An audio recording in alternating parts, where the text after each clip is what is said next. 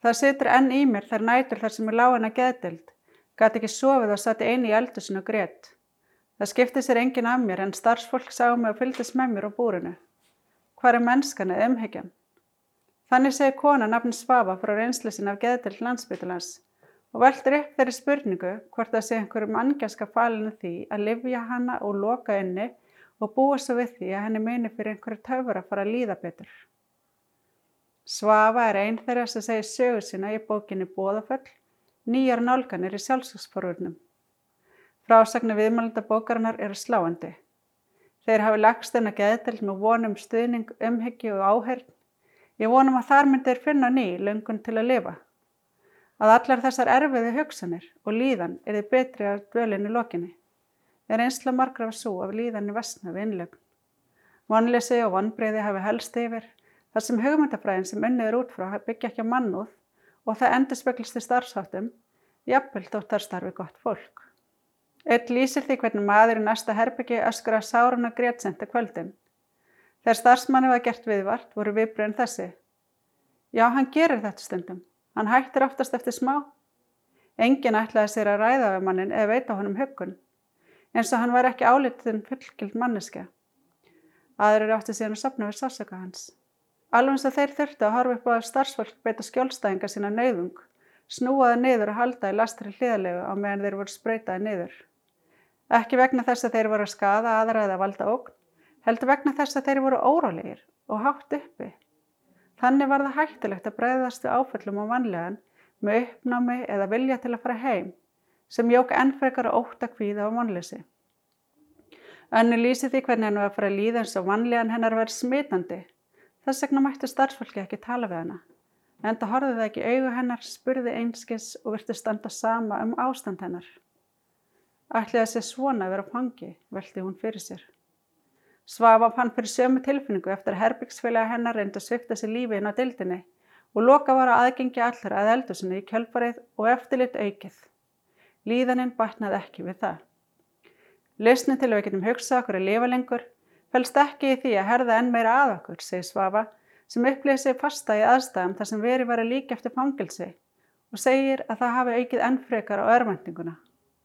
Í sömum tilfellum er upplifunin á fangilsi Ekki aðeins tilfinning heldur raunveruleiki fólk sem vista er að geðdelt. Heimild er svifta fólk sjálfræði og þvinga það í meðferð ef það þjáist á alvarlegum geðsugdómum. Árlega er um 100 manns lagðir inn á sjúkrahús gegn vilja sinum. Vara hefur verið við því að fólk sem er neyðungavistað gefist smám saman upp. Ofta er þetta fólk við vandamáli stríða og jafnvel sögu á alvarlegum áföllum. Neyðingarvistun bæti síðan ofan á og oft takir langan tíma vinn úr því. Eins og það að vera veikur sé lögbrott, sagði framkvæmstöru geðhjálpar. Í stað þvingana væri æskilegra að beita fyrirframgefinni tilskipun þar sem fólk veitir upplýsingar vilja sinn áður en það veikist. Á sunnudag var alþjóðlega geðheilbreyðstagurinn. Fyrir vikuna áréttaði umbúrsmaður alþingis að áframvera ástæð til að fylgjast grann með aðbúnaðir ferelsisviftra. Um leið kallaðan eftir nánar skýringum á maður hefði dvali í 572 daga á öryggisgangi á kleppi. Maðurinn fekk heila himnubólgu í esku og fór 18 ára í skurðaðgerð erlendis þar sem hluti framheilans var fjarlægður. Sá hluti sem hefur áhrif að domgrind og hegðun. Engastýr bjón einn án gæsluði þjónustu en gerði sér enga grein fyrir ástandi sínaði gjörðum þegar hann skar manni í andlitið. Fyrir viki var hann metin ósakafur og vistaður á réttar öryggisgetild. Þar var hann látin dúsa fjögur ár með alvarlega flóaveiki heilaskaða og greindaskerðingu án allra neðsynlegra þjónustu, meina um að fara heim um jólin og vera viðstættur jarði fyrir afasins áður en fjallafur máli í fjölmjölum. Sem var til þess að umbásmaður alþingis heimsótti deildina með tilvísinni samning samniðu þjóðana gegn pyntingum og grimmilegri eða vannverðandi meðferð og refsingu. Á öryggis og réttigætild er vistaðir einstaklingar með alvarlega geðsugdama og ósakafur einstaklingar sem á endur hefa aftur út í samfélagið. En hér var kvarki um geðsugtum að ræða, nýja vonum bata. Meiri segi yfirmaður í ættakeðdeldar til um mannréttindi mannsins brotin þar sem maður þurfti að fá viðegandi hjálp. Fyrir utan manngeskuna og mannréttindin að þetta er ránt, þetta er fatlaða maður, sagði yfirleiknirinn. Vistaður í geðdeld þegar hann þurfti að komast í fallega íbúð og umönnun, alúð og aðhald. Kerfi verið stundum gefst upp á fólki. Annar maður sem kerfi gafst upp á að mati bróður hans var farsjúkur í íbúðablokki Hraunbæ. Þótt vita væri af ástandi hans var ekkert aðhafst fyrir hann að gekk berserksgang og lögreglan skaut hann til bana. Ung stelpa kalla eftir aðstáð lækna þegar hún var í geðrófs ástandi en lagða flókta þegar lögreglan mætti á staðinn, var eld uppi, snúi niður og ljasti höndu lögreglunar. Þegar maður mótmælti því að aðstandi þeirra var útskrifaður beint á götina voru viðbreynd þau að handtaka þær. Í sumar var greint frá því að sex útskriftafæri einstaklingar sæti fastari geðdelt vegna úrræðaleysi sveitafélaga sem átt að taka mótið þeim. Einn hafi beðið í tvö ár, tveir í sex mánu en aðri skemur. Afleggingarnar voru að sjálfsmyndir hrundi þeir fylgtust vonleysi og uppgjöf. Alvarlega atvik hafa aftur stað þegar fólk missi vonina. Árið 2017 létust tveir ungi menn á landsbytalanum með tíu daga millibili. Ef ég fer þangað inn það kennst ég aldrei lifand út, sagði annar þeirra. Hafliði Arnar Bjarnason sem lést hans 23 ára gamall á sjálfseskátar sem fylgjast aftur með honum á 15 mínuna fresti hefði minnsta. Hann hafði ánýttast kannabisefnum um tvítugt og ofan í neslu en á sér að strykum tíma. Þegar hann fjall aftur gekk hann sjóin en fann sjóblöytar og sokkalestanum að leiði upp á Akranes þar sem bróður hans bjó. Í því ástandi var hann að lokum nöyðingar vistaðar og geðdelt þar sem eftirliti brást. Ekki hafi verið litið inn til hans í þrjá klukkutíma þegar hann fannst látin. Á þeim tíu dögum sem liði á milli atvöka hafði ekki verið gripið til neittnar ástana til að fyrirbyggja að slikk geti endur tekið sig. Tveimur árin síðar var deildin sem þeir dölda á enn óbreytt. Í innri skoðan landsbytalans var til langur listi yfir úrbættur sem þurfti að greipa til varðandi húsnaði, þjálfun og verkverðla. Öllum þessum þáttum hafi verið ábúta vant. Engin lámars viðmið voru til staðar til að megta öryggitt geðdelda en þeir spítali mótaðalög sjálfur slík viðmið fengur fimm af átta geðdeldum fallingun. Umhverju var ekki aðeins óaðlægandi og ólíklegt til að stuðila að bata heldur var það beinlinnist hættulegt. Enda gengur illa að manna þessar deildir og mönnun er sögulegu lámarki. Það vilja ekki margi vinna þarna.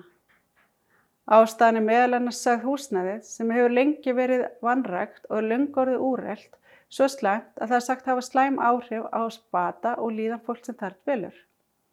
Samt hafa rannsakni sínt að ef húsnæðið er aðlægandi getur það ekki aðeins ekki batalíkur heldur einn dreyið úr nöðingarúræðum. Viðmælandi bókarinn og bóðaföll lýsa því sem svo að með því að gangin á geðdild hafi þeir afsalið sér ákveðinu sjálfræði. Í stað þess að þeir geti hlúða sjálfur sér, borða þegar þeir voru svangir, hrifsi eftir þörfum og varu tíma með sínum nánustu, var þeim haldið í umhverfi þar sem þeir segja að grundvallar mannréttindi hafi verið virt af vettugi. Fólk hafi verið livjað og sagt að vera rólegt í húsnæði sem er dögt, drungalegt með hraunum veggjum. Þeir sem voru metnir í alvarlegri sjálfsökshættu var haldið í sjálfsökshældum rýmum, hvítum, köldum kassa sem veitti kvarki ró nýju öryggi. Þar var ekkert nema byrja vekkir, rúm, sang og kotti. Óheimilt var að hafa hjá sig persónulega muni. Fyrir utan satt manneskjavakt sem átti að tryggja líf þeirra en hafði sem minnst samskiptið sjúklinga og veitti um litla aðtekli svo lengi sem þeir voru ekki að skada sig. Að geðdildi komið vekk fyrir að við getum tekið einn líf en okkur er ekki gefin ástæð til að lífa, segir Svafa. Í bókin er því haldið fram að starfsfólk brenni út í starfsumhverfi þar sem það þarf að aftengjast vanlíðan og tilfinningu skjólstæðinga. Mannekla, álega og skortur af fjármagni sé ekki megin vandi geðhelbriðskerfisins heldur viðharfinn sem liggja þar á baki. Nýlega var hjóknarfræðingur að geða til landsbytalans úrskurðaður í gæsli varhald vegna grunn sem manndráp. Greint hefur verið frá því í fréttum að hjókurnafræðingurinn hafi þvingað mat ofinu konu á sextusaldri með þeim afleggingum að konan kapnaði. Samkvæmt fyrir fréttaflutningi til starfsfólk og lögreglinn hafi farið offari. Deildin hafi verið undirmennuð, álægið mikill og sjúklingurinn að glýma við veikindi sem væri þess eðlis að hún átt ekki heima geðdelt. En vara hefur verið við þvingunum. Eftir fréttaflutning af slæmum aðbúnaði, öryggis að réttar deildar á kleppi, rætti umbásmaður alþingis við vistfólk, starfsfólk og stjórnundur þar. Niðurstaðan var svo að meðferð sjúklinga var almennti samræfið mannúð og mannverðingu. Viðmjöld starfsfólks virtist hlýlegt og engyndist af virðingu. Fréttaflutningurinn byggði hins vegar frásögnum núverandi fyrirhandi starfsfólks sem lísti áfbeldi, livjaþvingunum, oknustjórnun og miklu samskiptavanda. Mörg atveka gætu varða við lög, sagði það. Veri var að beita svo harkalegum aðferðum við þvingaðar livjagjafir að sjúklingar og starfsfólk hefði slasast. Ef einstaklingar gerir sem segir um að brjóta reglur væri þeir jafnvel lestir inn á örgisherbyggis og dögum skipti. Eins var í dæmum að fólk var gemtinn og deild í marga mánuði á grundvillig þess að úrræði sem eru bóði neituð að taka við þeim. Að deildunum var lítið sem ekkert verið stafni, dvölin einhæg og tilbreyningalus og deilduna var alltaf mikið annað en geimslistæðir. Ég tók eftir því að þarna gekk allt út á hundranir, ekki neitt út að gefa fólki tækifari, sagði geðhjókunarfræðingur sem taldi mikilvægt að breyta hugmyndafræðinni og vinna út frá stiðjandi og persónumiðaðri nálgun. Rétt þess að sumstaðar hefur verið gert, alveg svo notandi kerfisinn sem standa útgáða bókarinn og bóðaföll er kall eftir. Líkt að geðhjálp sem hefur lagt áherslu á endurskoðun hugmyndafræði og meðferðar á geðsviði landsbytalans. Samtökinn hafa vísað heimsóknarskíslu umbúsmanns alþingis að þrjár lokaðar geðdildir árið 2018 þar sem framkemur að lagaheimildir skorti fyrir nöðungum, dagleg útivera var ekki tryggð öllum og húsnaði víða ábútumann. Gaggrindi geðhjálp og viðbröður áðunættisins hefði verið að lagfara lögin í stað þess að endur skoða hugmyndafræðina. Á sama tíma væri verið að innlega nútímalegri úrræði löndanum í kring, setja fót livjulegsa deildir, nýja meðferðamöguleika, auka vægi notenda, samfélagsþjónustu og endurhefingu utan sjúkrahúsa sem á opna samræði með vinum og fjölskyldi sem gengur út á að hlusta og skilja. Vinna með erfileika, áföll og áskorunir og styrkja seglufólks í stað þess að einblina á sjúkdómsenginni. Að mati geðhjálpar ætti það að heyra til undatekninga að leggja þurfi einstaklingar en að geðdeldi framtíðinni. Þrátt fyrir það snýst umræðin meir um geður og skullt húsnaði geðdeldar heldur en endur skoðan kerfinu og innleggingum manni að sjóna með við ákvarðanum með fyrir sjúklinga. Vandin er ekki ábyrg starfsfólk spítala sem er að gera sitt besta í erfum aðstæðum og gerir oft vel þátt hér sé innblinda það sem betum að fara. Vandin fælst í langvarandi vannrakslu stjórnvalda og lítilsverðandi viðhverð samfélagsins skakart skeðhelbriðsmálum þar sem einstaklingar með geðrannar áskoranir hafa verið sveipar skam og afskiptaleysi. Fólk sem hefur vext að geðsugtumum hefur gerðnum ætti öðru viðþarfi heldur en fólk sem veikist til dæmis að krabba minni. Þótt engin ástæða sér til annars en að byggja áfram með styrkleikum þeirra og getu. Bent hefur á hversu undarlegt það var að gera ekki ráð fyrir geðsviði á nýjum landsbytala. Ráð þeirra var einmitt að undrita samningum nýtt bílastæðahús undir landsbytalanum fyrir rúnaða að hún tali vegna málsins og sagði umhugsunavert að ekki hefur gert ráð fyrir geðsviði en það væri ekki af sett að bæta því við. Þetta var þann 10. september, tveimur vikum fyrir alþingiskostningar. All kjörtumabilið hefur hins vegar ekki skort tækifari til að breyðast við. Á meðan spyrja höfundar bókarinnar bóðaföll, fólk sem hefur einslegið heilbyrðiskerfinu eiginlega, hversu lengi þurfum við að treysta kerfi sem hefur ítrekka brotið á okkur og bröðust okkur.